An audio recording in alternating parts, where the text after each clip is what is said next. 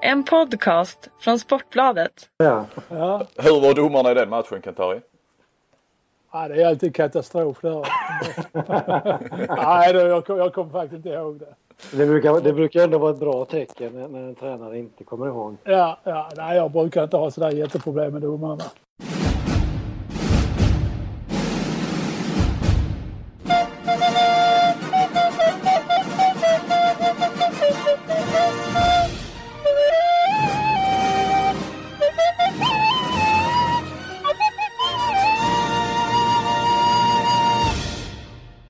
Vecka, ny podd. Vi håller en härlig frekvens. Slutspelet ångar på och det gör vi också. Hur är läget nere på den svenska rivieran Kent-Harry Andersson? Jo tack, det är bara bra. Det var faktiskt eh, säsongspremiär på eh, golfbanan igår. Eh, Moderatbandyn? Moderatbandy. Ja, Vi behöver inte prata om resultatet utan det var säsongsdebut helt enkelt. Var du nere i, i bunkrarna mycket eller? Det var mycket bunkrar och mycket vatten, det kan jag säga dig. Ja okej, okej. Ja och idag så tar vi ett grepp kring ett av de eh, heta eh, debattämnena i varje fall i den svenska herrelitserien eh, under slutspelet. Eh, domarna, bedömningar, domslut, delegater. Och eh, med oss har vi eh, den svenska domarbasen Mikael Claesson. Välkommen Micke. Tack för det Johan.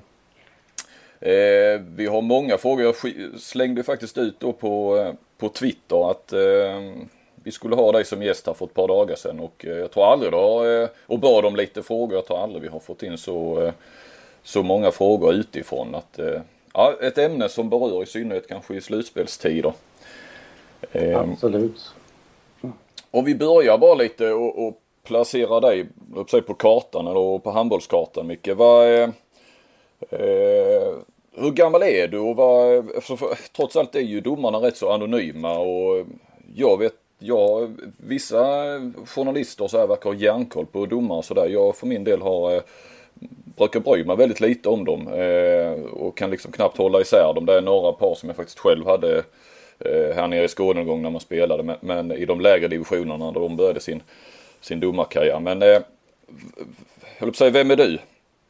Yes, jo, nej, men jag är mm, ålder 39, fyller 40 år. Mm. Eh, bor på det småländska höglandet i den underbara trästaden Eksjö men är i grund och botten göteborgare. Ja det hörs. Eh, det brukar komma fram emellanåt. Eh, så att, eh, ja, när det, jag har eh, bosatt mig nu då på, på lagom avstånd till samtliga handbollsarenor i Sverige. Va? Så närmsta är väl 20 mil så att eh, ny teknik är ju fantastiskt bra då. Ja. Twitter vet jag, precis som du var inne då, det är ju ett, ett populärt forum för att diskutera domarfrågor. Så är det. Vad är din eh, handbollsbakgrund då? Har du spelat själv och så? Ja, jag är handbollsfostrad i eh, den gamla fina föreningen IK Baltikov. Är det inte eh, Reine Pedersen eller? Eh, Jag har en bakgrund där men även en sån dignitet som Leif Loket Olsson har ju eh, varit aktiv i den eh, föreningen och eh, fast då var det en Göteborgsklubb på den tiden. Sen sedermera så flyttade föreningen ut till Lerum utanför Göteborg då. Hur långt eh, nådde du som domare? Du nådde långt. Vad vad är höjdpunkterna i domarkarriären? Ja, alltså det, det ja, höjdpunkterna där, alltså det hade vi, jag och min, min kollega där då som jag dömde ihop med, vi hade ju som målsättning att få döma de tre stora herrturneringarna eh, internationellt och eh, det, det gjorde vi ju då så att det är ju en absolut höjdpunkt att ha fått vara med både under EM, VM och OS. Eh, men ska man lyfta fram några enstaka eh, tillfällen så, där, så är det väl kanske då den, den första matchen i, i, som vi dömde i OS eh, 2008. var en speciell känsla. Va? Mm. Eh, vår första, eh, alltså vi dömde SM-finalen här hemma i Sverige 2008. Cupvinnarcupfinalen 2008 och eh, Final Four eh, 2010. Mm. Det är väl liksom de där som eh, sitter på näthinnan. Eh, men 39 år gammal eh, bara. Va, va, du fick lägga av i förtid egentligen då med andra ord. Ja, jag fick, eh, ja kan man säga, det började väl 2009 så började jag få problem med, med mitt brosk i höger knä då. Så har gjort ett antal operationer där då och eh, svårt att få ordning på det. Eh, vilket då gjorde efter 2011, där efter VM där. Så gjorde jag min eh, tredje...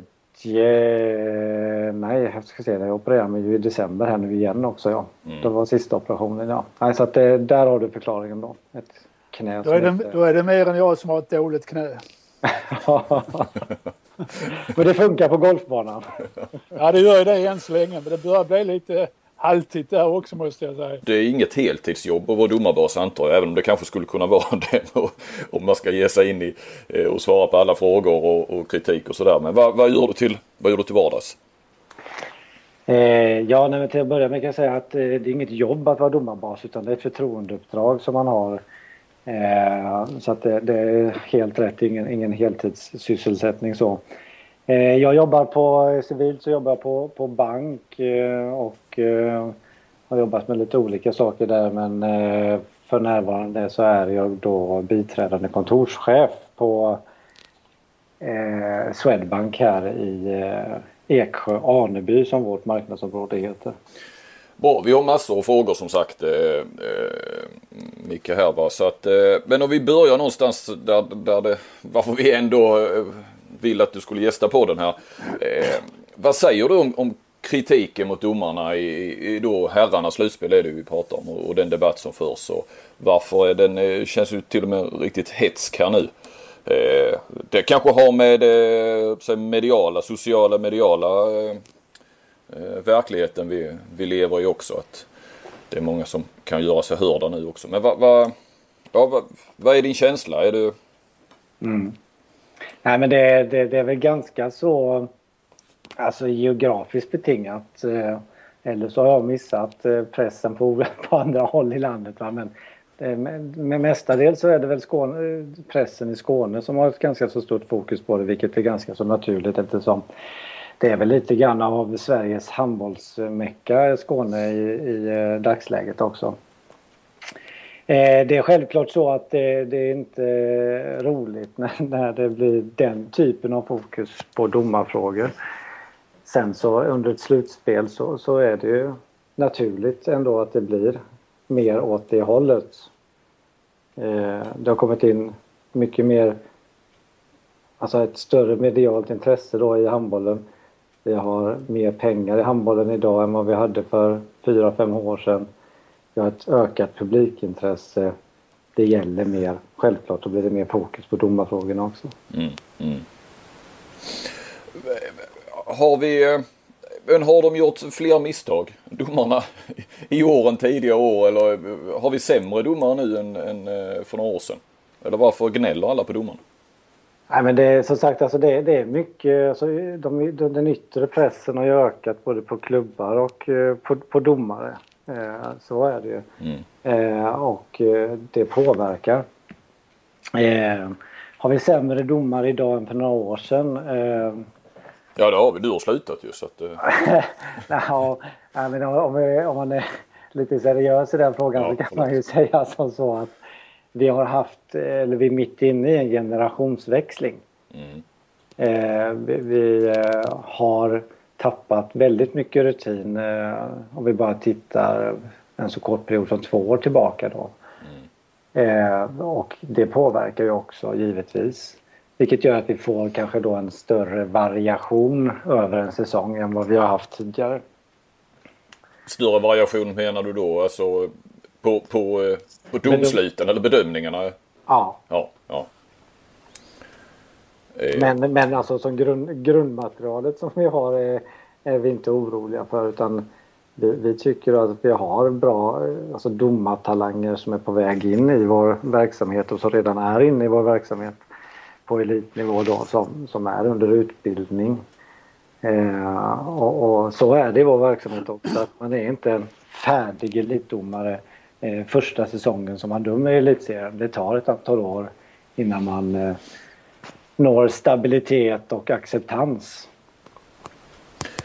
Utnyttjas detta, eh, alltså att det är nya yngre domare tror du av, av eh, kanske framförallt tränare som, som känner att de kanske inte har riktigt samma respekt för eh, yngre nya domare. De känner att de, det här har jag varit med om betydligt fler år i elitserien än vad ni har. Och, att man, och det är ju klassiskt, du ska ju sätta press på hur man försöker utnyttja det.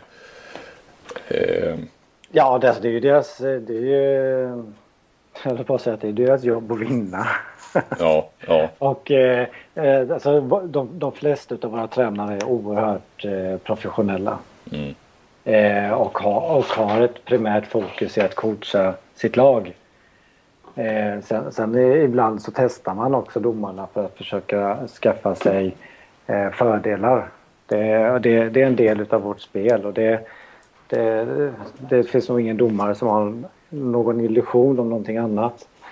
Eh, men det är en del som man måste lära sig som domare att hantera. Mm. Men jag kan tänka mig det är lättare att testa en, en, eh, ett yngre domarpar kanske än ett som man eh, har, som har varit med i, i 10-15 år i elitserien och som eh, man kanske har en annan respekt för. Ja men så är det. Ett, ett domarpar som du har haft i, i tio säsonger. Du vet vad du har det domarparet. Du behöver inte testa det utan du, du vet eh, i, i princip för, för vad de kommer att blåsa och när de kommer att blåsa och du vet vad som händer om du reagerar på ett visst sätt.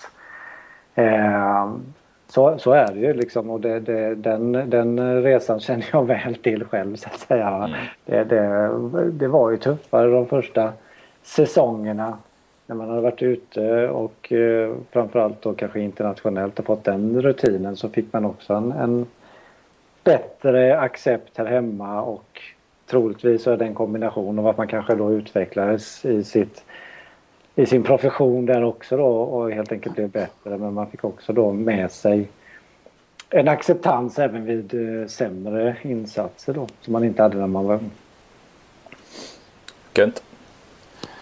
Uh, ja, jag, har, jag har en liten idé här. Alltså, domarna de lämnas ju väldigt ofta ensamma. Jag vet ju att eh, på matcherna så sitter en domarkontrollant och eh, efter matchen så går man då igenom vissa punkter vad som var bra och så vidare.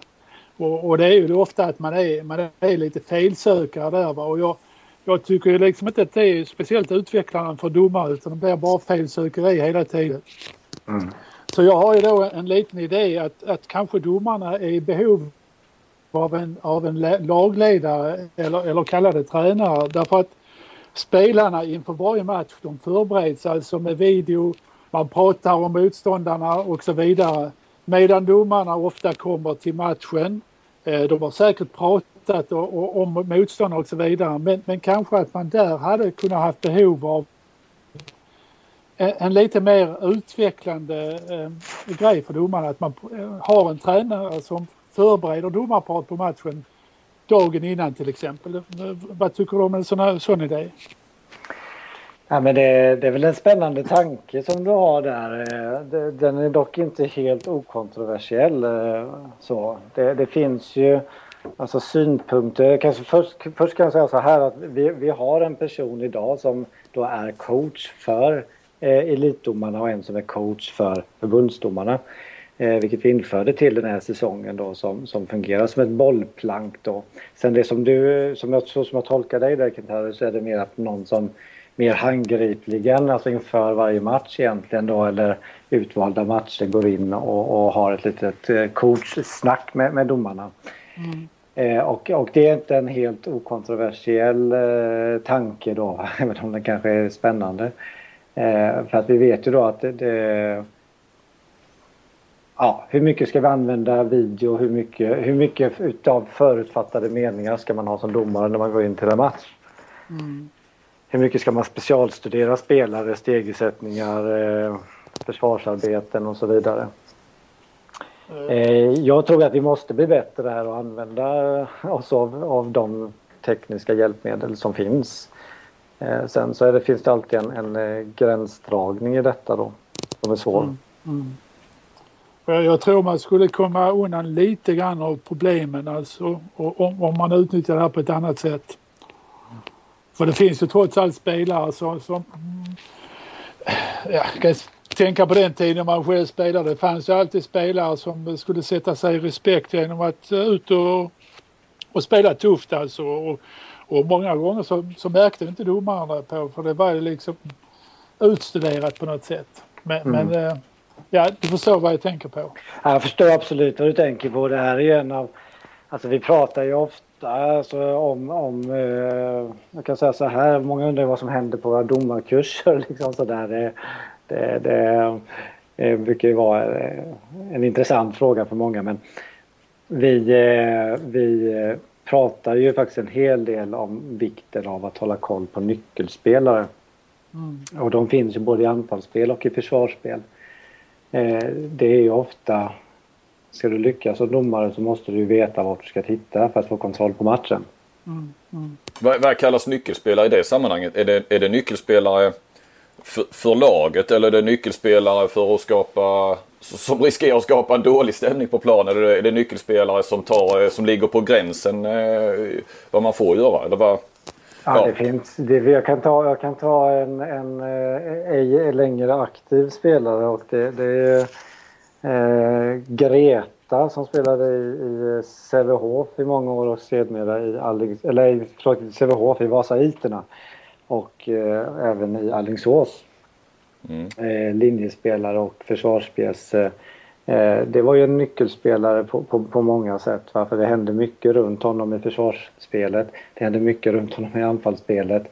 Plus att han också var en sådan person som man kunde kommunicera med för att få ut ett budskap till övriga spelare då när man ville att det, nu får ni lugna ner er lite grann och så vidare.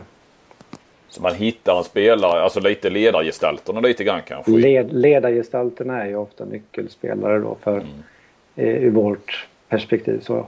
Och den som nu känner sig utpekad eventuellt i elitserielag så är det snarare positivt att vara, vara det ur domarnas perspektiv. Det handlar inte om att man ska ha ögonen på sig för att åka ut mer. Eh. Nej, sen, sen eh, alltså det, det, är ju den, den, typen av spelare som är absolut viktigast för domaren att, att hålla koll på. Sen, sen finns det ju givetvis sådana som, som eh, eh bara, som Kent Harry är inne på, ska sätta sig i respekt Mm. Eh, och, och, där vill jag inte lyfta upp några svenska spelare. Men, men eh, ta någon internationellt då? Eller? Ja, vi, kan väl, vi kan väl ta en sån som, som Roggish då. Kan väl vara mm. en bra spelare att hålla koll på. Mm. När han kom, nu spelar han ju kanske inte så, så mycket längre. Men... Sitter, sitter mest på bänken. Nu sitter han mest på bänken då, så då kan vi prata lite om honom. Ja. Men, men eh, förr då när han spelade desto mer så, så visste man ju det att när Rogers är inne så måste jag hålla extra koll där. Mm. Finns det en lista på eh, sådana spelare som cirkulerar i, i domarskrået i herrarnas elitserie? Nej, Nej, det gör det inte. Nej, okej. Okay. Nej. Och det där är ju väldigt individuellt också ska man ju veta då när vi pratar kategori nyckelspelare, vilka man kan kommunicera med. Eh, för det, det, kan ju skilja sig liksom på ett personligt plan mellan domare och spelare så att man inte kommer överens och sådär också. Då, så att... Har ni gurkburk hemma? Nej, men jag, jag tänkte på det här, du har redan varit inne lite grann på det här med internationellt med Rogis och så vidare. Vad, vad tycker du finns för skillnader i bedömningar eh, idag mellan, mellan internationellt och elitserien? Eller ser, ser du några skillnader?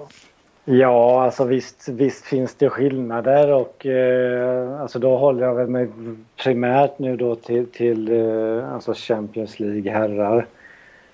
Eh, och ja, det gäller väl även kanske land, landslagsverksamheten och mästerskapsnivåerna där. Eh, man tillåter ju, tycker jag, då generellt sett eh, mer kamp om positioner runt alltså linjespelet och på sex meter internationellt. Eh, och sen, sen, har vi även då de här eh, utsida tvåa där som där man har en lite mer strikt linje. Alltså det är oftare som det är straffkast i, eh, på utsida två internationellt än vad det är hemma i Sverige. Mm. Sen var det ju lite grann här i EM när det gäller linjespelet. Eh, där, det, där det dömdes hela tiden eh, för minsta lilla grej så blev det straff och två minuter. Mm. Eh, eh men det tycker jag, det ser man inte så mycket idag så, i elitserien som man gjorde under EM. Och det, och det finns ju inte i Champions League heller längre. Utan det var ju då en grej som man tydligen hade inriktat sig på under EM-slutspelet. Ja, alltså det var ett väldigt... Det var ju, jag, måste, jag skulle tro att det var, var ett nytt rekord i, i straffkast under, under EM. Mm. Mm. Eh, vi vill inte ha riktigt den, den eh, nivån i Sverige. Nej, nej det, kändes, det kändes ju inte bra när man satt och såg det heller. Man, man, man blev ju bara irriterad tycker jag. Ja, utan vi jobbar ju snarare mot att få, få bort ytterligare en del då av de här dubbelchanserna som ibland uppstår på, ja, ja. från linjespelaren då. Utan, men det där, det, där, det där är väldigt, väldigt svårt att, att ta tid och putsa bort. Va? Och, eh, vi, ser, vi ser ju tyvärr fortfarande allt för ofta då att eh, det blir en dubbelchans för, för linjespelaren. För det där är, det är ett kampmoment och eh, när en försvarare tydligt släpper och eh, erkänner sig besegrad så att säga då, i den kampen mm. och låter linjespelaren avsluta under, alltså med boll och kroppskontroll så skall det inte blåsas straff också. Eh, jag tycker vi har blivit bättre på det men fortfarande finns det lite grann att göra där. Mm. Micke, vad, då när vi jämför internationellt och, och, och elitserien. Tycker du att, eh, alltså släpper man, för det är också en fråga man får, varför tillåts mer fysiskt spel ute i Europa? Är det, är det en väg vi ska gå eller ska vi hålla kvar i det vi har i elitserien? Alltså är det någonting att sträva efter och likadant utsida två? Vad, vilket, alltså var ligger man mest rätt internationellt eller i elitserien?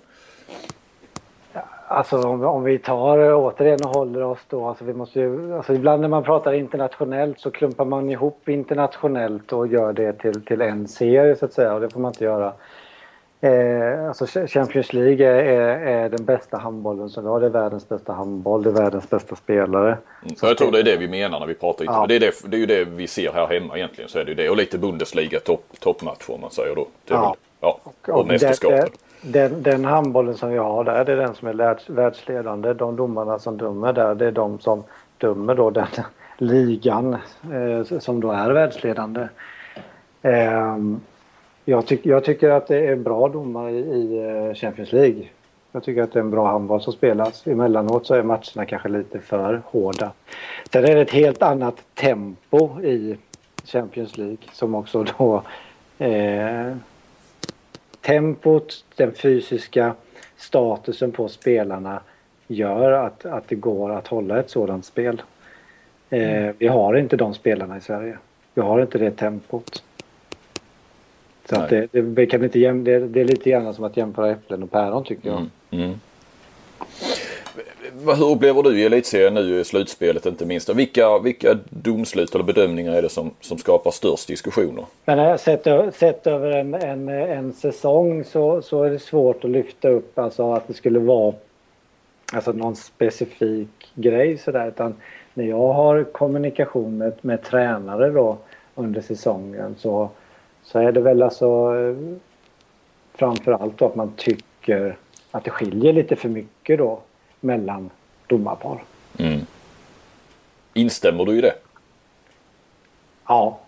Mm. Jag tycker att det är för stora skillnader idag. Eh, I bedömningarna helt enkelt? Ja, mm. absolut. Och det, det, här, det här är någonting som, som vi jobbar väldigt, väldigt hårt med. Och, eh, men samtidigt så, så, så, är jag inte så förvånad eftersom, eftersom vi då har några stycken par som är väldigt rutinerade. Så har vi ett antal par som är väldigt lite rutinerade. Mm. Eh, och det, det, det, här visste vi när vi gick in i den här säsongen att, eh, att det troligtvis skulle se ut på det här viset. Att vi är inte jätteöverraskade då. Nej, nej. Eh, domarna uttalar sig nästan aldrig. Hur, hur, eh, vad, har, vad är sagt där? Eh, Får de inte göra det eller? Eh... Ja, jag tänker till, till journalister och så. Eh, jo, absolut. Visst får de det. Ja. Det är upp till varje domare att avgöra liksom eh, om och när och eh, på vilket sätt och man ska göra det. Eh, sen, sen, vet jag ju då att många efterfrågar eh, alltså likt den modell som, som fotbollen har då va. Och, eh, eh, ja, men det vore väl jättebra, jättetrevligt om vi kunde komma till, till, eh, en, en sådan modell som fotbollen jobbar efter. Där, där, man ska, där de ska vara tillgängliga efter matcherna och svara på frågor om, om det finns sådana från, Ja, det, från det, journalist. finns inget, det finns inget skall om man säger där utan det, det är egentligen samma, samma princip som gäller där som för oss att det är upp till varje domarpar. Sen så vet jag att man i, i alltså fotbollskåren har tagit eh, ett informellt att det är klart vi ställer upp på intervjuer då. Mm. Men sen ska man ju veta det också att fotbollen har ju lite andra resurser. Alla fotbollsdomare som dömer i allsvenskan är ju mediatränare. Ja. Eh, det, de resurserna har vi inte i handbollen. Men jag kan komma och hålla en, en, eh, kurs för er då när ni har någon sån här. Det är bara att eh, man ska svara ärligt. Det är den enda, man, det är den enda instruktionen som behövs där. Medieträning. ja, precis. Säga vad man tycker bara. Det är, Ja, men det är jättebra det Johan. Jag tar, den, den tar jag med mig den. eh. ja, det, det var snabb, jävligt snabb. Ja, det är i stort sett det enda.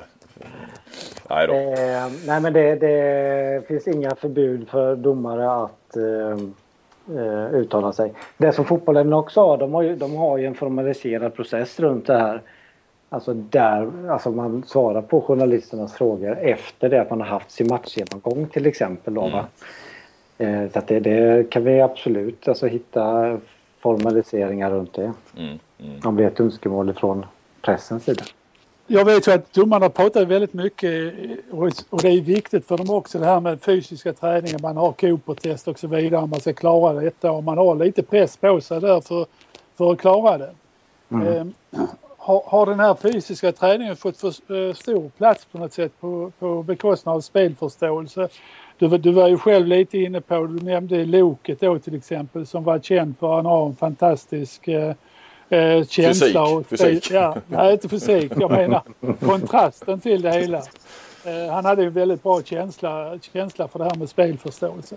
Eh, Är det så att man prioriterar det lite för mycket idag med, med fysisk träning? Eh, man kan väl säga att handbollen har ju gått, gått lite snabbare idag jämfört Ja. med Lokets tid. Så att det, det krävs nog att man har mer fysisk träning idag.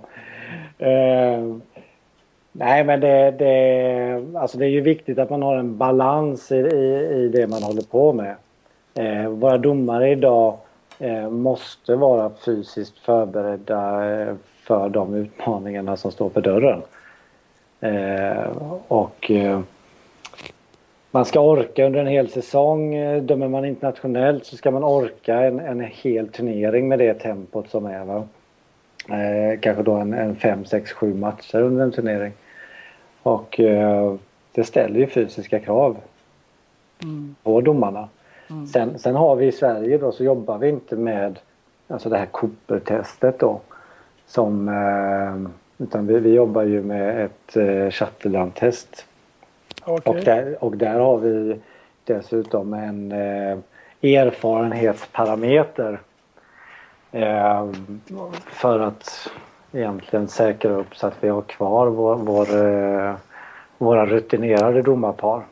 De, de har så att säga en, en liten bonus för att man då har dömt x antal år så har de inte riktigt samma fysiska krav som våra 24-åringar som kommer upp då till exempel. På tal om träning och så, det är ju också en fråga vi får, eh, får man hör då och då. Vad, vad finns det för möjlighet för domare att komma ner och, och döma på eh, till exempel elitserielagens träningar? Alltså, hur, eller hur tränar domarna? Eller det är, det är bara matcher egentligen? Nej, men det, är, det är ju tränings, eh, träningsmatcher, träningsturneringar som är alltså förberedelsesäsongen liksom så. På, på, eh, sen, sen så är det ju Alltså jag vet ju att många jobbar ju med, med att titta på olika utbildningsmaterial och eh, matcher på, på DVD eh, eh, så vidare. Mm. Eh, men att delta på träningar, ja det, det kanske... Eh, den, den frågan har varit uppe och har testats. I teorin så att säga då. Jaha, Det, okej. det, det ställer ju... Ja, vi, hade, vi, har haft, vi har haft diskussioner med svensk elithandboll eh, runt detta. Mm. Och det, det- ja, det är sa- samma som förut. Alltså, det är inte helt enkelt är det inte. Men vi, vi eh, ser väl det som en jättepositiv grej om man skulle kunna få till det. Men kan det bli att man kommer för nära ett lag då? Eh, Jag säger att ett par som, eh, så jag vet inte ens var de bor, de olika domarparen. Men ett par i, i Ystad till exempel och så springer de på Ystads träningar och dömer lite eh, då och då. Det kanske kan bli Alltså en... det, det finns, det är svårt att hitta, alltså vi, vi har ju givetvis det som du är inne på lite grann då. Det är ju ett, eh, alltså man vill inte skapa någon form av eh, misstanke om jävsituationer va. Alltså neutraliteten är ju extremt viktig. Eh, sen så har vi ju enstaka domarpar som, som har för starka kopplingar till en del klubbar och sådär då som inte får döma de klubbarna. Eh, De skulle ju i princip kunna vara nere på deras träningar åtminstone då. Ja. Eh, men det, det sättet som vi vill jobba på egentligen då för att, att det, det är ju att vi till, vid, vid olika elitturneringar, försäsongsturneringar eh, har samlingar med eh, tränarna och för den delen också spelarna då. Att man efter en dags matcher då har gemensamma genomgångar och diskuterar bedömningsnivåer. Mm, mm. Så att det sker lite mer i ett, eh, någon form av grupp, gruppperspektiv då. Det här är väl ingen gurkburk? Eller?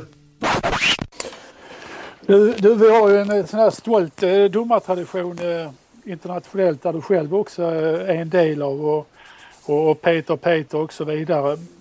Har vi tappat där? Vi har ju till exempel inga domare med i mästerskapen längre, i Champions League och, och så vidare. Och, och då beror kanske på det här generationsskiftet som du har varit inne på. Men eh, varför har det blivit så?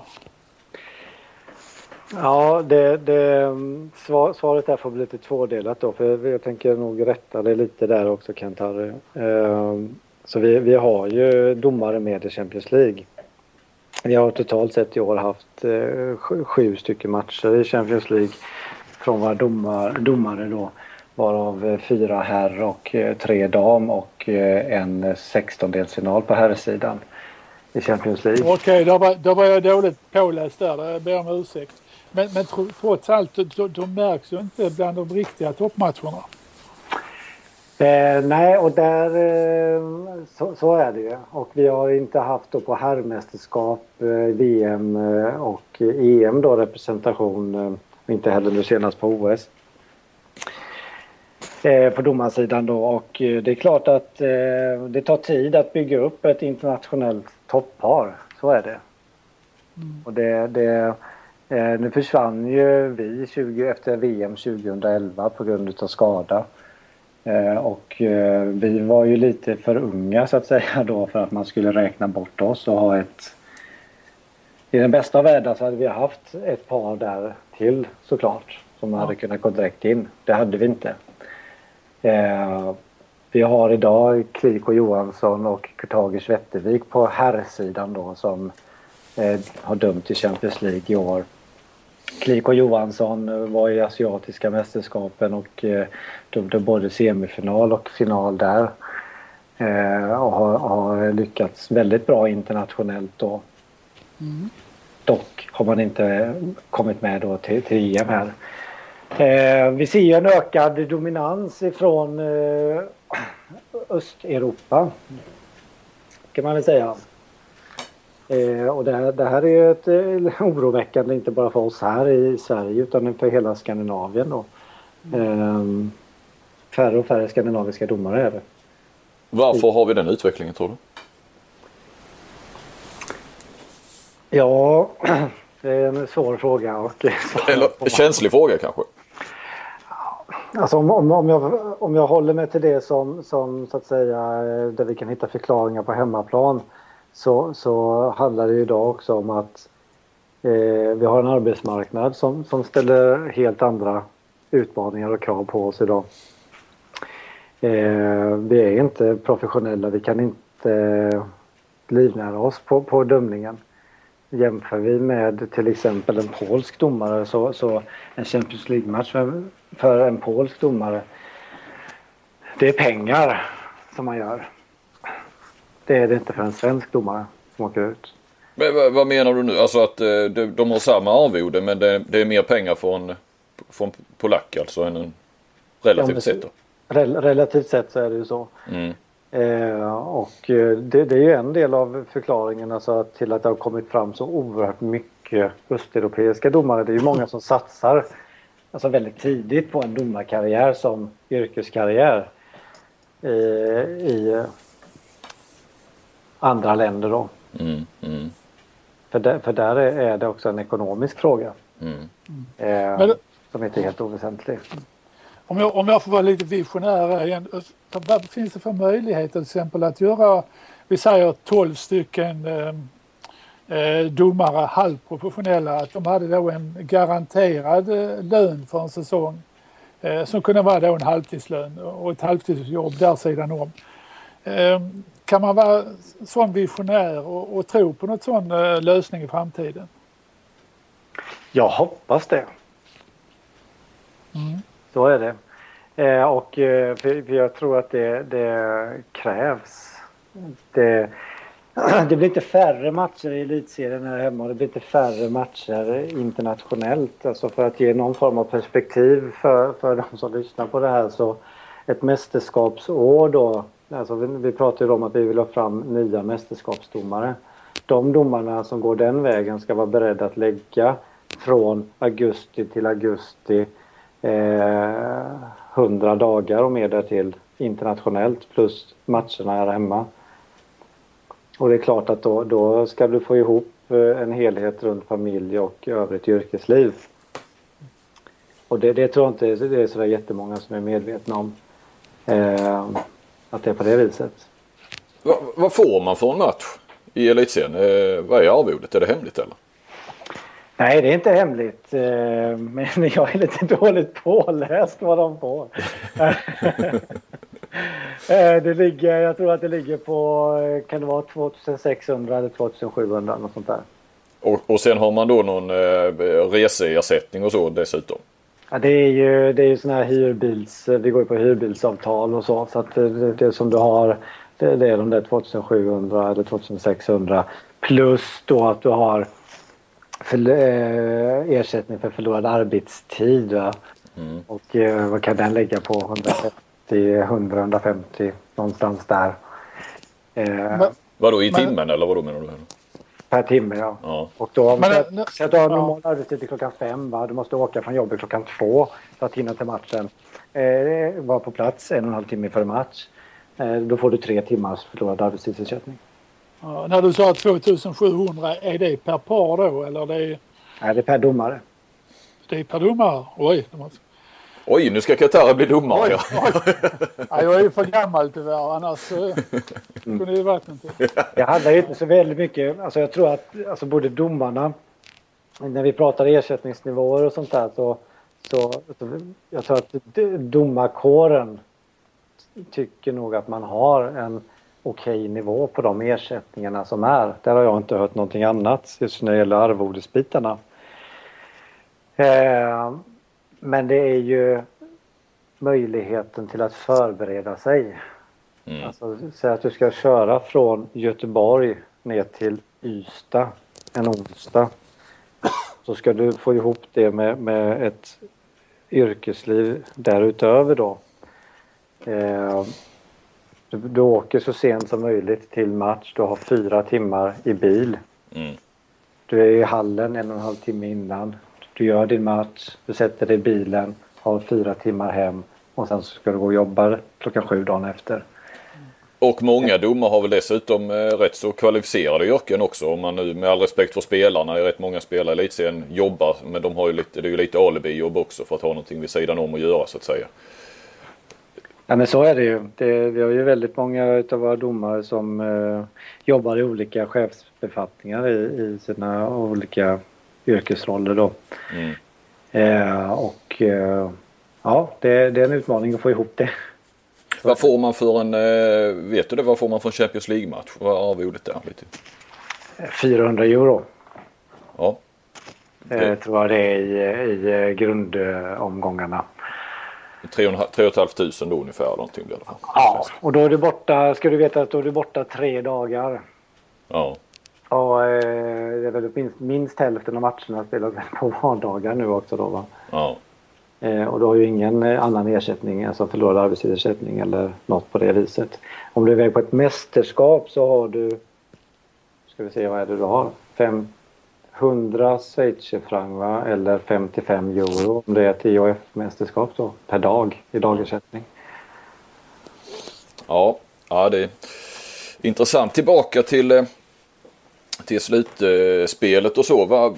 Hur går, det är Robin Nilsson, Kristianstadsbladet här, eh, som även kanske den journalist som känns ibland som har mest koll på domarna och vilka som är vilka. För att eh, hans eh, blogg och hans texter kan innehålla rätt mycket domare eh, ibland. Han undrar hur går processen till när slutspelsdomarna tas ut? Och varför är Blank i scen petade? Eh, om vi börjar med fråga två där så, så eh, är det ingenting som jag diskuterar med journalister varför vissa domarpar inte är med och dömer. Eh, utan det, det är en diskussion som vi har med respektive domarpar. Mm.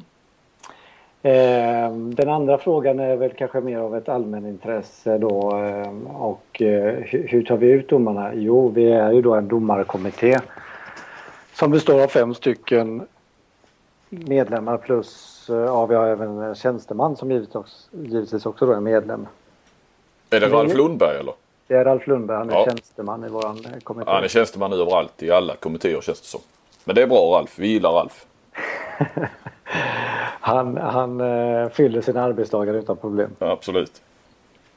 Eh, och eh, vi eh, har ju då ett nomineringsmöte där vi då samlar in, under säsong så har vi givetvis samlat in information då från de här delegaterna som, som jobbar med att betygsätta våra domare och, och försöka coacha våra domare. Eh, sen, sen så tittar ju vi då i kommittén på väldigt mycket matcher också då eh, e-, i efterhand också då. Så att vi har väl en ganska så bra bild av vilka domare som vi vill använda i ett slutspel. Mm. Och hur, eh, och- sen har det också varit en snackis nu till exempel. Jag vet att Kristianstad Hammarby de har spelat fyra matcher i sin kvartsfinal och haft fyra olika domare. Och där, det kommer ju frågan då och då upp. Eh, har diskuterats det aldrig om, om en och samma domare ska följa en hel eh, kvartsfinalserie till exempel? Ja, nej, men nu, det är väl också en fråga som är initierad av Kristianstadsbladet tror jag va? Ja, det är säkert. Ja. De initierar de flesta domarfrågorna. Ja. Ja, det, det är ju så. Och, eh, eh, hade Kristianstadsbladet varit verksamma för några år sedan då inom elithandbollen så, så har de också vetat att vi har haft den modellen tidigare.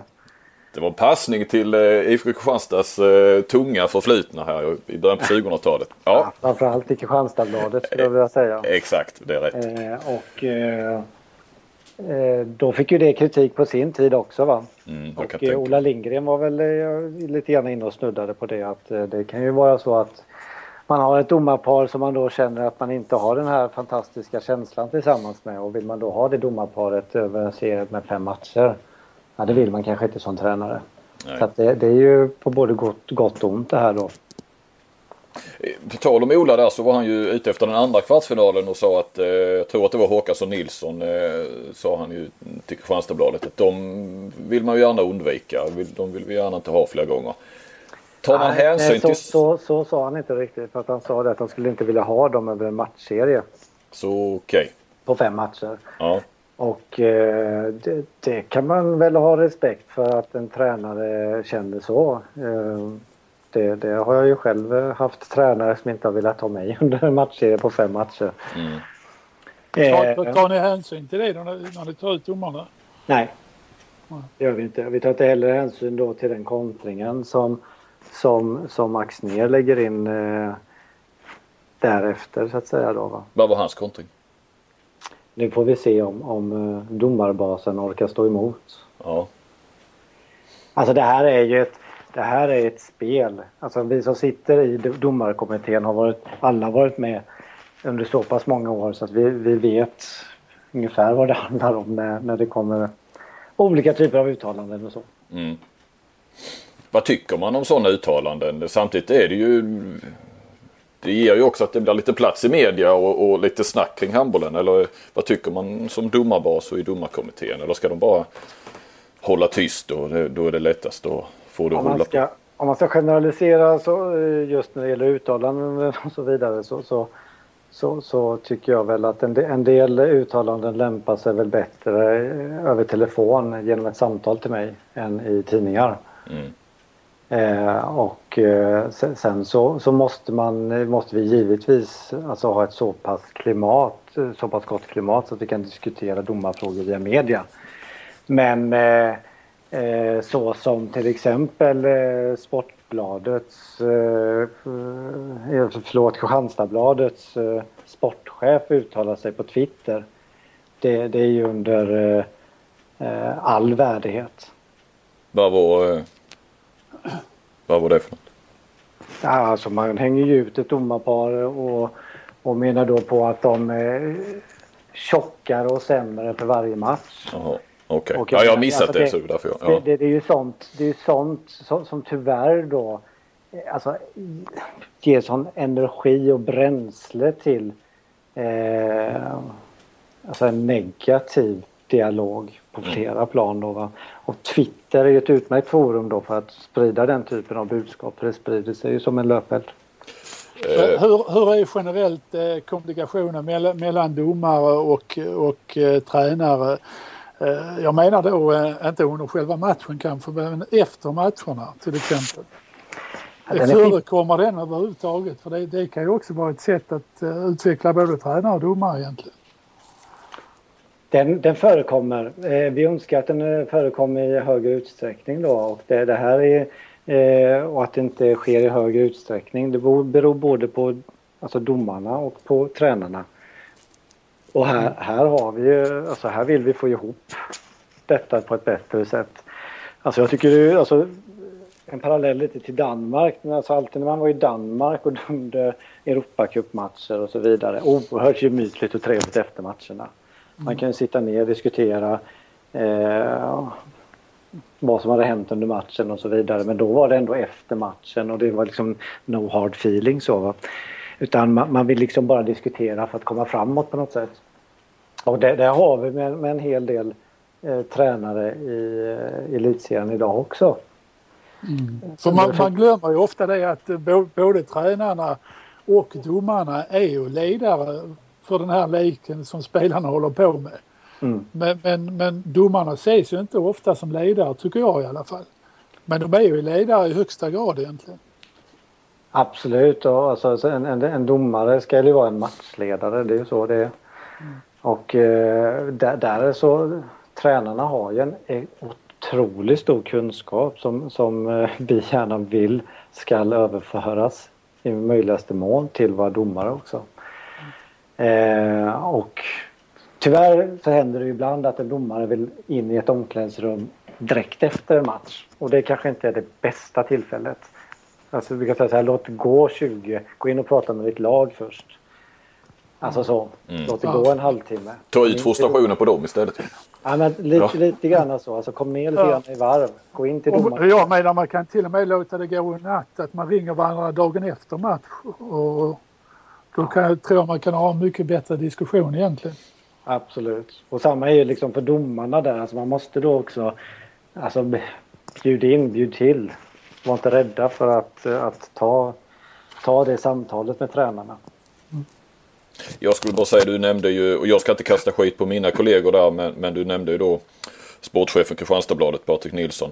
Eh, jag kan ju hålla med dig då, nu är inte det för att eh, fjäska för domarkåren på något vis, men att jag tror att vi i, i media har ju ett, ett ansvar här också för den debatten som, eh, som blossar upp och som kanske spårar ur ibland. Att vi, vi, nu finns sociala medier där vem som helst kan, men vi som då på något vis är professionella eh, journalister har ju verkligen, bör ju ta vårt ansvar där för, för vad Jag vill som... vara, alltså, vara väldigt tydlig med att säga att generellt sett så har vi alltså, eh, en, en väldigt professionell rapportering ifrån våra matcher. Jag tycker inte detta är ett, ett generellt problem eh, när det gäller media. Och, och, eh, eh, det, men, och när det gäller elitverksamheten så måste vi alltid kunna, får vi alltid tåla lite grann mer. Men man måste också se det här i ett lite större perspektiv. Problemet är inte elitverksamheten. Problemet är ungdomsverksamheten och de eh, den...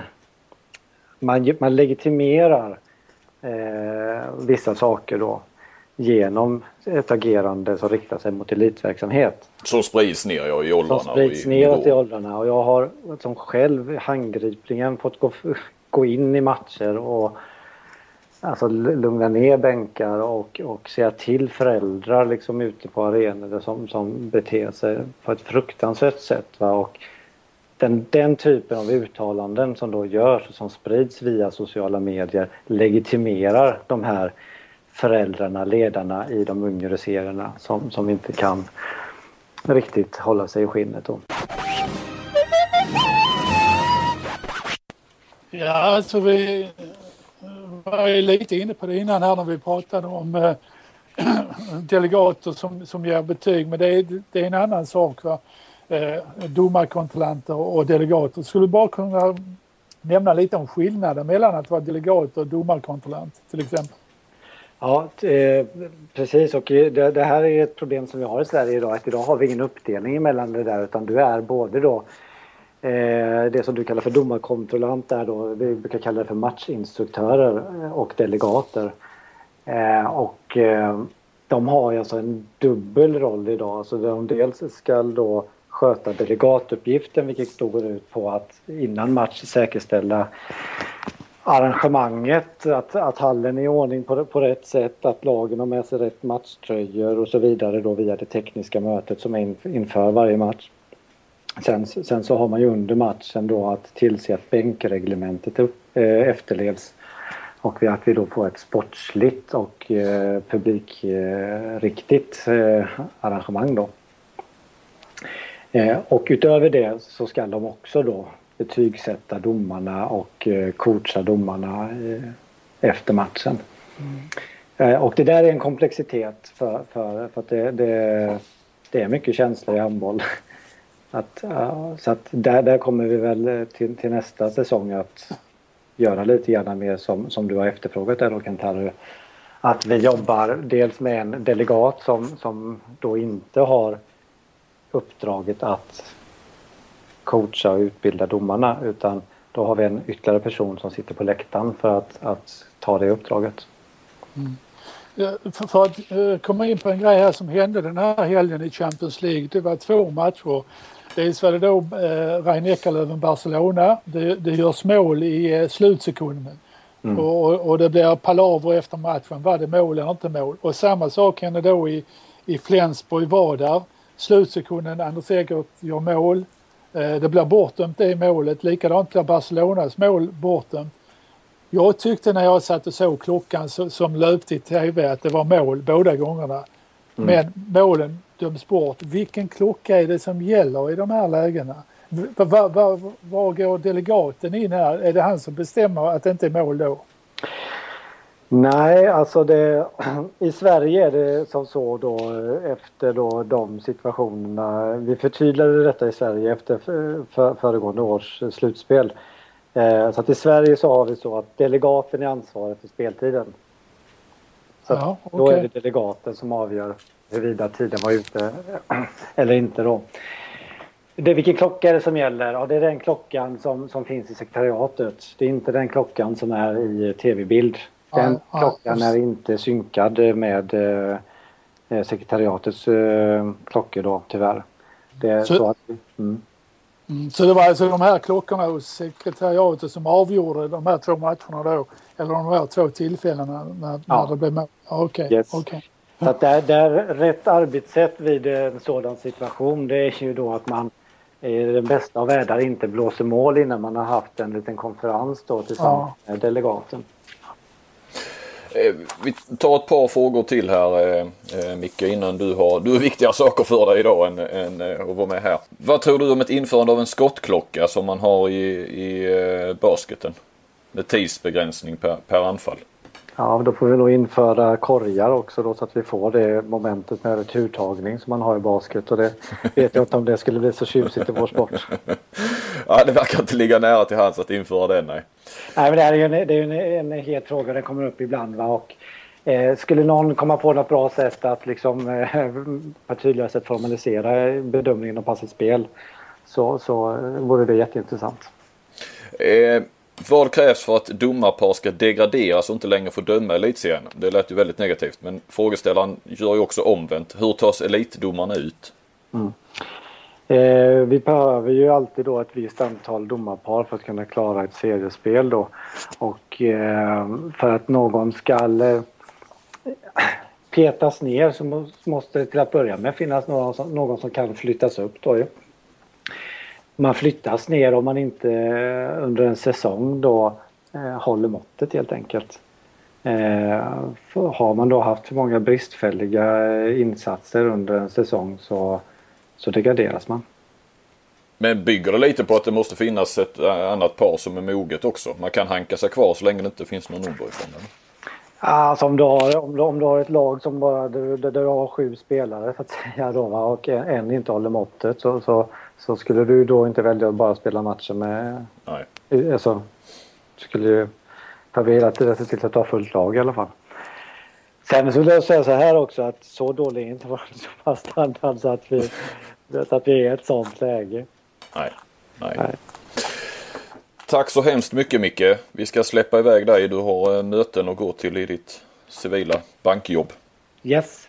Så eh, tack så hemskt mycket och vi hoppas på en, eh, ja det är kul. Det är kul med debatter men eh, den ska föras på en vettig nivå, eller hur? Absolut, det tycker mm. jag. Så tack ska ni ha. Tack så du ha Micke. Tack, tack. Har ni gurkburk hemma?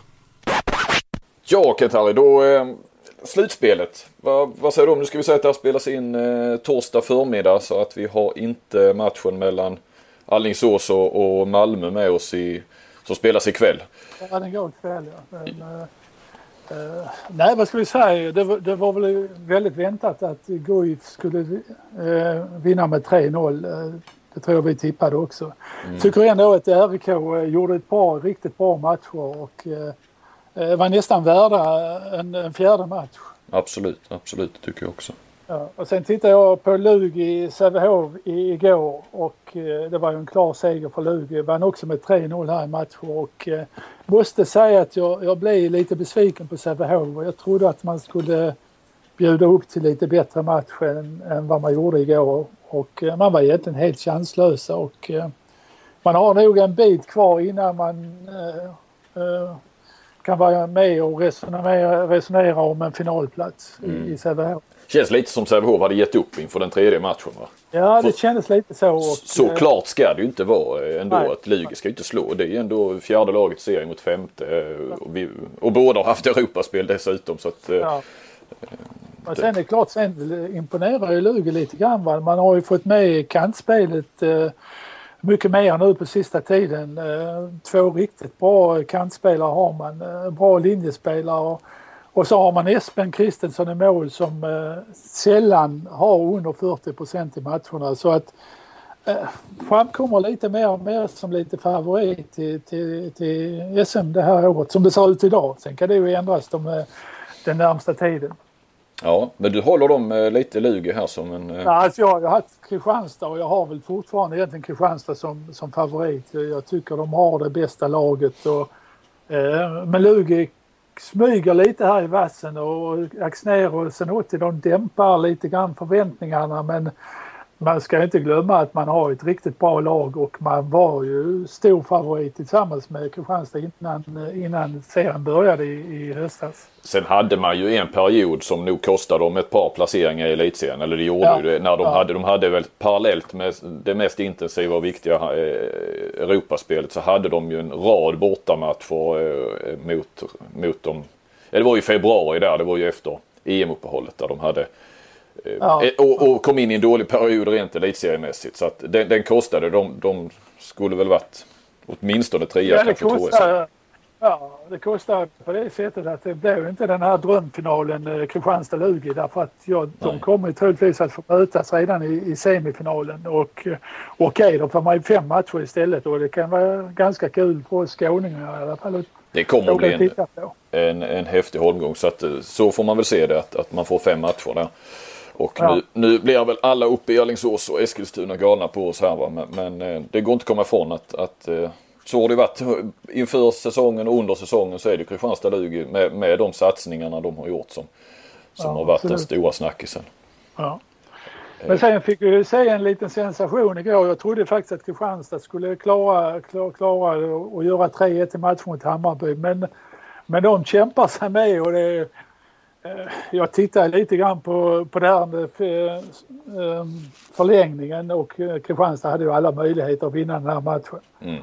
Eh, Men nu blir det en femte match och jag tycker Alltså problemet med Kristianstad är att jag tycker inte att de är mentalt starka i avgörande ögonblick och eh, eh, det var ju likadant förra säsongen i SM-finalen. De, de är inte starka i de här ögonblicken och jag tr- tror att man lider lite grann av den här pressen som man har i Kristianstad. Allt runt omkring, mycket folk, mycket skriverier. Mm. Och eh, man är inte mogna att klara det och eh, eh, ja, det, det, det är det stora dilemmat för dem. Annars är de för mig klara favoriter och fortfarande att vinna SM men, men mentalt saknas det någonting. Men det är lite konstigt för att de har ändå levt under den pressen. Det är väl i stort sett tre säsonger nu snart med utsålda hus. Och det är klart att pressen ökar ännu mer när de eh, värvar ännu mer. Va? Men Lars Möller Mats har ju onekligen varit med om en del. Han bränner den här straffen. Sen kan jag förstå att eh, så jag förstod att, jag såg inte matchen igår, men att Cederholm var, var bra i, i stort sett hela matchen. Ja, Beutler var bra och eh, Men han skulle säga att Cederholm är, är, det ju en ny situation den här säsongen för va. Men, men jag tycker de andra borde ha härdats lite grann. Det är ju inte, eh, är ju inte Sen har man ett jätteproblem, jätteproblem att eh, Olof för islänningen är ju en riktig formsvacka. Han är inte Ja. i närheten av vad han presterade i höstas. Nej. Och det är klart att det är ju ett jätteproblem för dem. Ja. Men sen är det ju så här också. Första året hade man inte sån här press. Då var allting överraskning. I fjol hade man lite press Mm. på sig men, men man tog sig trots det till final. I år har man den verkliga pressen. Mm. Och nu missar man ju seriesegern också. Eh, och eh, jag tror nästan att det är bara SM-guld som gäller där i Kristianstad idag. Visst är det så, visst är det så. Eh, men jag var så eh, den förra kvartsfinalen mellan, mellan Kristianstad och eh, Hammarby, alltså den i Kristianstad. Och då när man såg, okej då- det var ett fantastiskt eh, eh, målvaktsspel och ett, ett riktigt bra försvarsspel. Men när man såg Hammarby så man hade ju helt, jag hade så svårt att se att de skulle kunna slå Kristianstad en gång till. När, det handlar ju bara om tre spelare. Det är Pujol, Hanish och Dolk. Och de var ju liksom, de är ju, de är ju samlade borta till vänster eller då Kristianstads Ja, högerförsvar. Då, man kunde ju lägga allt fokus där och sen Ja, kommer ju släppa på andra sidan. Va? Men ja, som sagt jag såg inte matchen igår så att eh, Men jag har ju också svårt att säga att eh, Hammarby ska kunna vinna en femte avgörande. Det, där är man för starka helt enkelt Kristianstad på hemmaplan. Ja. Och du nämnde ju också redan då att du såg Alingsås i en semifinal. Eh, som sagt när ni lyssnar på det här kanske då eh, om det kommer nu ut på torsdag eftermiddag eller på fredag. Kommer det ut på fredag imorgon så vet ni ju hur det gick. Men du tror, tror du att Alingsås tar det ikväll eller? Ja, alltså det beror lite grann på om, om Malmö får tillbaka sina skadade spelare. Jag vet inte hur läget är där. Eh, skulle man få tillbaka de spelarna så, så kan det mycket väl bli en femte match även här. Eh, Men annars tror jag det blir, det blir tufft, eh, tufft för dem. Mm. Och köra runt på, på 3-9 år, alltså det, det klarar man inte. I kvalserien förresten, du var inte och tittade på Ystad H43. Nej, jag höll mig hemma som tur var. Har du vågat dig in i Ystad förresten? Sen, eh, Ja, jag har varit lite i utkanten kan man väl säga. Men, inte inne i centrum. nej, nej, hålla ifrån någon vecka till kanske. Champions League är ju också inne i, i eh, kvartsfinalspel. Där har Ja, du vilka, vilka fantastiska matcher eh, man har fått, fick förra helgen. Jag, Mm. jag har faktiskt sett samtliga. Tre, tre av matcherna, alltså det, Eurosport eh, Tyskland följer ju alla de tyska lagen. Så det kan, man kan man ju se på tv. Mm. Och sen kunde man då se PSG i Westbrem på, på webben. Eh, fantastiska matcher. Jag får höra nu, jag vet att folk eh, gillar det här när du, eh, när du har kollat Champions League Kent. Ja, den, för- den första om vi börjar med Metall och Kiel, där vann ju Kiel med, med 10 mål och det är inte mycket att säga. Kiel är, är ju vidare där. De, de är ju klara för Final Four, har ju hemmamatch nu med plus 10. Det kan man inte missa. Nej. Eh, sen tittar jag på PSG i Westbrem. Eh, PSG var jag nere och tittade på i höstas och tyckte det var katastrof. Det var inget lag. Eh, massa stjärnor och körde sitt eget race samtliga. Men, men har vuxit lite grann nu va? och gjorde en riktigt bra första halvlek mot Vesprem eh, och leder i halvlek med 14-12. Eh, men i andra halvlek så föll man tillbaka i det här odisciplinerade Eh, framförallt eh, båda kantspelarna, Abalou, alltså det är ju himmel och helvete att ha en sån spelare. Ja. Eh, gjorde en par, tre riktiga idiotgrejer i andra halvlek som gjorde att, att eh, Westman kunde vända och vinna matchen. Eh, tycker inte man får ut max av Mikkel Hansen heller. Eh, han gör väl fyra mål men man skulle kunna få ut mycket, mycket mer av honom. Mm. Mm. Göra honom till den stjärnspelare han är och, och lägga upp spelet mycket mer på honom. Vesprem, starkt, stark insats att vinna, vinna borta mot PSG. Nadji 9 mål, mm. Illich 7 mål. Och där när det gäller Illich så måste man eh, Kiel reta sig lite grann att man bytte ut honom mot den här Tunisien Jalou. Mm. Eh, fortfarande väldigt bra Illich. Eh, Vesprem, storfavoriter naturligtvis att gå till Final Four. Har hemmamatch nu i helgen. Eh, sen hade vi Flensburg-Vardar. En väldigt bra handbollsmatch den också. Där jag tycker att Vardar överraskar väldigt. Eh, har inga sådana här jättenamnkunniga spelare i sitt lag men, men eh, gör det väldigt bra. Leder i halvlek med 14-13. Förlorar sen med Flensburg vinner alltså till slut med 24-22. Mm. Eh, prata lite grann om Jim Gottfridsson här. Han satt hela första halvlek. Eh, kommer in i andra halvlek och har mycket stor del i att, att eh, Flensburg vänder den här matchen. Kommer in, gör mål, spelar in på linjen, gör genombrott för straffar och eh, är väldigt duktig. Han, han har definitivt tagit ett jättesteg eh, här de sista månaderna. Ja, kul. kul. Ja. Däremot så blev Mattias Andersson utbytt i halvlek mot Rasmussen. Tillhör inte vanligheterna. Nej, och jag tyckte inte Mattias hade varit dålig, direkt dålig heller i första halvlek. Men Rasmussen kommer in och storspelar naturligtvis. Mm. Räddar bland annat två straffar och, och, och har mycket stor del i, i den här vinsten också. Eh, det kan, det kan bli eh, väldigt tufft för Flensburg men, men... Man har två mål nu att gå på ja, man har två mål, men jag tycker att Flensburg har lite mer att gå på till, till andra matchen. Eh, bland annat så hade, hade då eh, eh målvakten i, i Vada som mer liknar en busschaufför än målvakt faktiskt. Ja, ja, ja han är... Peter Angelov heter han va? hade en sån här idiotmatch och jag tror inte han kan komma upp i den klassen en match till. Däremot så tror jag att Mattias kan lyfta sig och därmed så tror jag också att eh, Flensburg har en jättechans att, att klara det här trots att man bara har två plusmål. På tal om han eh, målvakten i Varda där så såg jag att eh, Emma Debo, Lugis sportchef, han nämnde på Twitter då efter den matchen, han hade sett den också tror jag på, på tv eller på någon stream. Att, eh, han nämnde då att, att det tydligen hade Lugi blivit erbjuden denne målvakten inför säsongen av, av en agent. Så att, där ser ja, jag, jag tyckte man gjorde rätt att tacka nej. Man har en bättre målvakt i, i, i Espen där. Ja. Eh, och några kilo, några kilo mindre också i Espen va? Ja, lite. Espen Retuno han är väl, han är väl den som väger han, tyngst han, i Han gjorde en fantastisk match i alla fall. Så ja. Att, eh, ja, så, och så har vi då fjärde matchen som var en av de mest underhållande matcher jag någonsin har sett måste jag säga. Mm.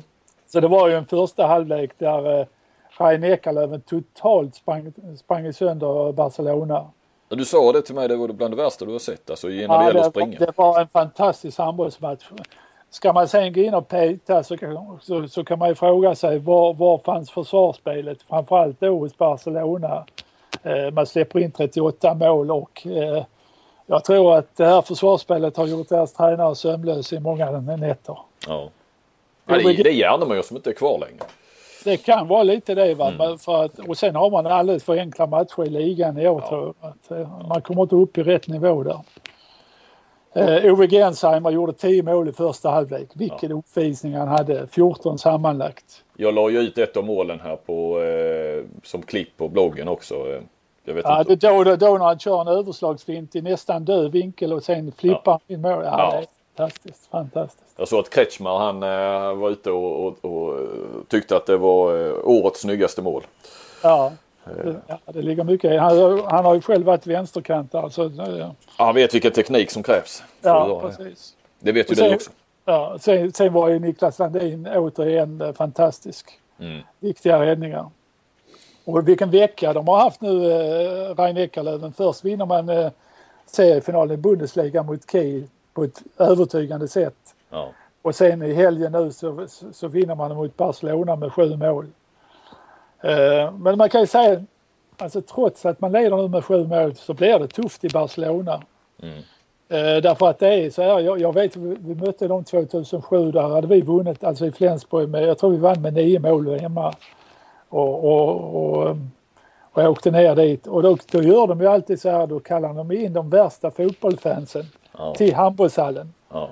Och, och det trycket där i den hallen, det, har jag aldrig upplevt. Alltså Vesprem i all ära men när alla de här fotbollsfansen är samlade i Barcelona Ja. så Det är så alltså. är det ett otroligt tryck.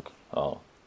Men, men, men jag tycker ändå att man har sju mål och eh, eh, Rein Eckerlöven idag det är ett väldigt bra lag och kanske det världens bästa lag för tillfället. Eh, med de resultaten man har gjort och det försvarsspelet och den målvakten man har. Eh, så jag, jag tror man klarar det men det kommer inte att bli lätt. Det kommer inte att bli lätt.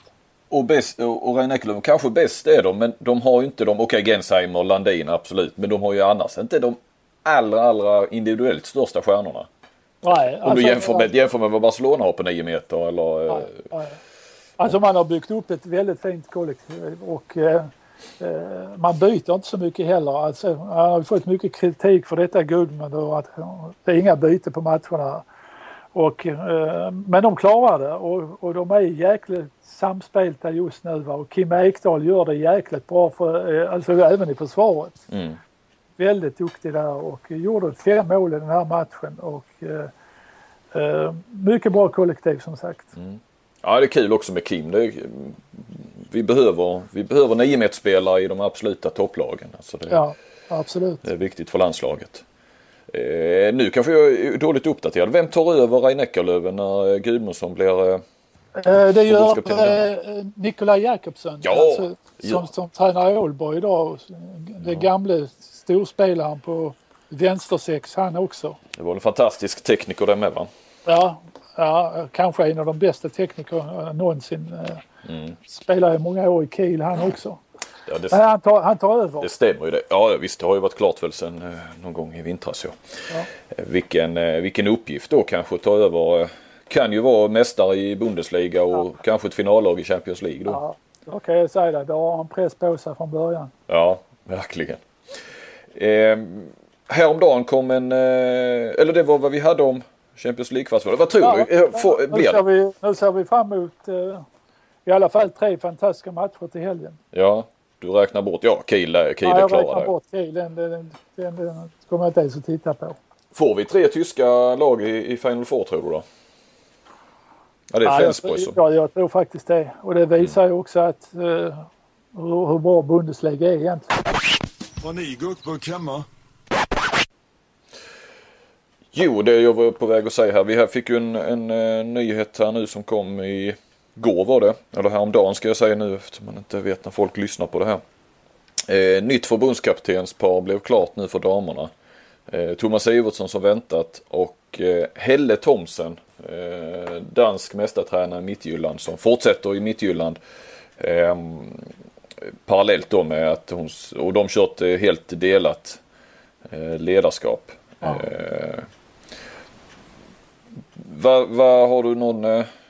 Eh, Alltså jag, jag, jag känner inte till Helle Thomsen alls. Jag har bara läst nu i efterhand om henne och hon har ju gjort väldigt bra resultat och, och, och är tydligen väldigt omtyckt bland, bland spelarna. Så jag tror nog mycket väl att det, det är spelarna, Bella och Torstensson och, eh, och övriga där i Danmark som har lanserat henne. mm, Och eh, ja, jag tycker det låter väldigt spännande. En, en dam och en herre som, som leder damlandslaget. Eh, och hon har ju väl, väldigt, hon känner till det kvinnliga psyket på ett annat sätt än kanske vad Thomas gör. mm. Så att eh, ja, jag tycker det låter jättespännande. Ja, jag håller med och, och, verkligen att man täcker in. Du får kontinuiteten med Sivertsson och kanske liksom den rena förbundskopplingen, svenska kopplingen. Och sen får du då in en, en, en, du får in en kvinna, du får in en, en danska som vi vet, jag menar det är ju fortfarande trots allt danska ligan som är världs, världs ja. är väl bäst i världen sent rent breddmässigt. Och, och, och då en, en, en damtränare som är i toppen där och i Champions League och har ju med andra ord järnkoll väl i stort sett på alla världsstjärnor. För är du, är du i Final Four, hon är ju där med Midtjylland också, det avgörs ju här om någon vecka. Ja. Eh, då, då kan du då kan du ju eh, eh, toppen i, i damvärlden också. Ja. ja, det är en jättebra lösning. Det tror jag absolut på. Eh, och de har då kontrakt över eh, ja, OS om det skulle bli det då eh, och eh, inte minst eh, hemma-EM i december 2016. Ja. Och det var väl klokt och kanske givet att man skriver ett kontrakt över, över ett, ett hemma-EM. Jag vet det Johan att just nu är det 16 timmar och 32 minuter till nedsläpp till fjärde matchen mellan, mellan Bruins och Detroit. Där, där Bruins leder med 2-1 i matcher som du vet. Vadå, du, du räknar ner till? Eh... Ja, jag har ju det på appen. Jag har ju det på appen. så att i natt kommer det till plinga igen eh, i, i mobilen. Har du möjlighet att se matcherna eh, om du skulle vilja eller du har inte kanalerna eller? Eh, jag jobbar med det. Jag jobbar med det. Ja. Så, när, när vi spelar final så ska jag nog vara uppkopplad. Då kanske vi skulle... vet du förresten att man spelar ikväll i Joe Louis Arena i Detroit? Du, du vet vem Joe Louis var? En gammal boxare väl? Ja, ja, ja. ja en, en av de största tungviktsmästarna genom tiderna. Det heter faktiskt Joe Louis Arena. Ja okej, okay. Okay. När kommer Kent-Harry-arenan tror du? Ystad blir ja, ju ny. Jag hoppas ju jag får det namnet i Ystads nya arena. Men, uh, du får kanske hålla igen lite då. Det är väl tveksamt efter mina uttalanden här i podden. eh, men, då kanske när det väl blir dags för final om de då, du tror att de är där så eh, vi kanske skulle ta och spela in en podd under en eh, eh under en eh, sån mitt i natten under en match. Där. Mitt i natten, ja, gärna för mig för jag är vaken ändå. Ja, ja precis. Ja, du tycker ju när vi spelade in halv nio på, på morgonen, det tyckte du var mitt i natten när jag ja, meddelade inspelningstiderna. Ja. Eh, men du hade eh, svängt lite i dygnsrytmen nu för du var uppe tidigt igår sa du du skulle ut och, och svänga ja, skulle, Ja, det vet jag. Man får mjuka upp lederna när man ska spela golf. Det är inte så lätt som förr i tiden. Det, var inte, det krävs förberedelse. Det är inte bara att gå ut och slå och swinga? Nej, nej, nej. Det är ett par timmar på driving range först och allt det här. Så det gäller att vara uppe i tid. Och, och ändå gick det inte bättre? Nej. Ja, det gick fruktansvärt dåligt. ja, ja, men det är bara att börja på säsong. Det är väl, för, det är väl försäsong fortfarande kanske? Ja, det är försäsong till juni månad. Ja, ja precis. Eh, ja, nej, men då får vi väl nya rapporter i, i eh, nästa vecka om eh, Boston. Ja, jag får ju rapporter varje, varje morgon. Ja. Det plingar jag, i telefonen. Jag skickar ett sms i natt till dig när matchen är slut. Ja, men gör så. Gör så. Har ni guckburk hemma? Bra. Ja. ja. Då eh, sätter vi väl eh, punkt där. Ser fram emot många fina matcher den närmaste veckan och sen eh, kommer vi väl tillbaka i, i nästa vecka. Med, vi siktar väl på en ny gäst. Det känns som att det finns, eh, ja, det finns många man skulle vilja ha med och snacka. Och det ja, ja. kändes bra att vi tog ett litet domargrepp här tycker jag. Att, att vi som är så en sån ja, det var ju mycket man fick lära sig där. Man, var inte, man är inte som du säger, man är inte riktigt uppdaterad på domarbiten på samma sätt som när det gäller spelare och tränare. Men eh, Nej.